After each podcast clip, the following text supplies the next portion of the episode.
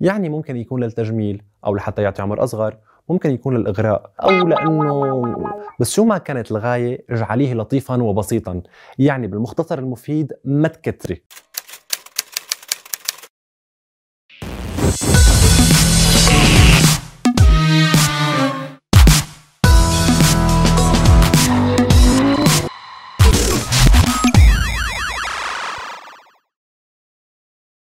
مرحبا.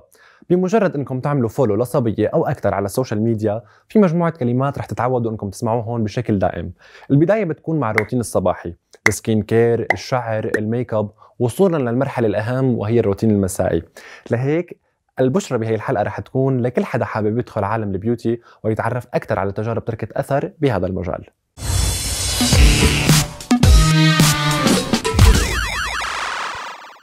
اهتمام الصبايا بالتجميل لا يعتبر وليد ال social media وإنما نابع عن الفطرة الخاصة بالتكوين الأنثوي.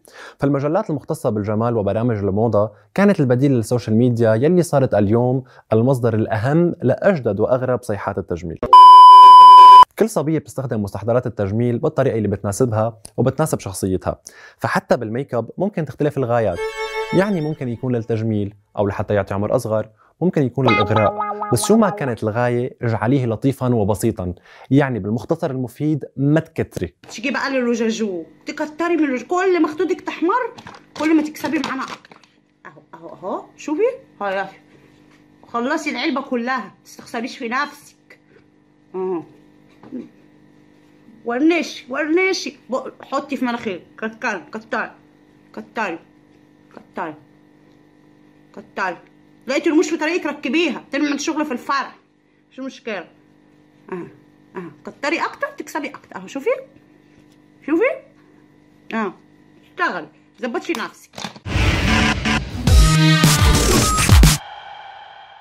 من عارضة أزياء لخبيرة تجميل واليوم هي واحدة من أقوى سيدات الأعمال ومن أهم ال beauty influencers بالوطن العربي. جويل ماردينيان. تعرف عليها الجمهور من خلال برنامجها يلي غيرت فيه حياة الكثير من الأشخاص وبعد عدة مواسم ناجحة لهالبرنامج بدأت جويل أول خطواتها كرائدة أعمال بافتتاح مركز تجميل خاص فيها تحت اسم Maison de Joelle ليصيروا اليوم أكثر من 15 فرع موزعين على غالبية الدول العربية. استمرت جويل بتلبية احتياجات السيدات. لهيك أسست مجموعة كبيرة من العيادات التجميلية تحت اسم Clinica Joelle وأطلقت مجموعة من المنتجات الاحترافية للعناية بالشعر والبشرة حملت اسم جويل باريس. تعتبر جويل علامة فارقة بعالم التجميل المحلي وحتى العالمي مع أكثر من 18 مليون متابع على إنستغرام. فهي اليوم قدوة لكثير من الشباب والصبايا ليبدأوا مشروعا من الصفر. لأن سر النجاح بالنسبة لجويل هو العمل الدؤوب والتخطيط الاستراتيجي.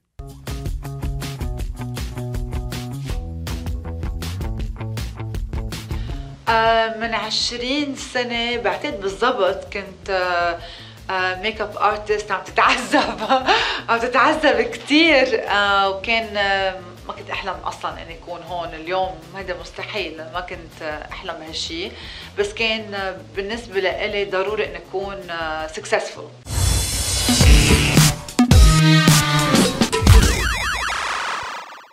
بيقولوا النجاح بيولد من رحم المعاناة. وهيك بلشت ميثا عبد الجليل خبيرة ومدربة فنون التجميل ومعدة ومقدمة البرامج التلفزيونية. فبعد مشاكل مهنية وعائلية أيضا وصلت للطلاق رجعت ميثا لتحت الصفر ومرت عليها أيام خلتها تنام بالسيارة لعدم وجود مكان للسكن.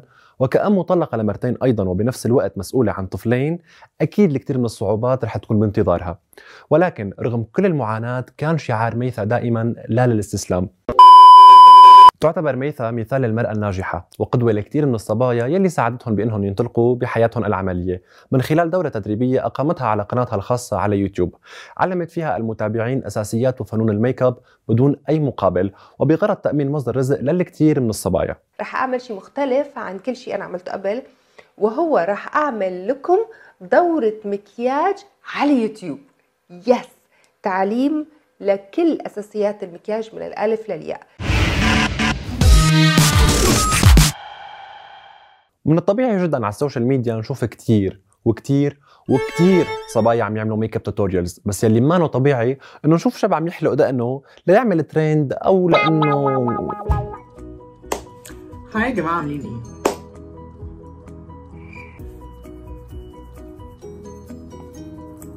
hi يا جماعة عاملين إيه؟ ال look اهو كده so far أنا بس عايز انضف ال shadow اللي تحت ده. وابدا في ال face وبعدين بعد كده أكمل آه، بقية ال look. فبرضو بنفس الطريقة هحط ميك اب ريموفر على القطنة و... YouCam Makeup هو التطبيق اللي بيستخدموه غالبية الصبايا ليعدلوا ويجملوا صورهم ولكن أنتم فيكم تستخدموا هالتطبيق لتعرفوا أكثر عن فنون الميك اب وطرق تطبيقه. فإذا لقيتوا نفسكم بهي التجربة فيكم تنقلوها لأرض الواقع وتبلشوا مشروعكم الخاص ولو بأدوات بسيطة. هي كانت البشرى لحلقة اليوم بنشوفكم بمشاريع بشرى تانية الأسبوع الجاي وبنفس الوقت دائما على بروكار ميديا. سلام.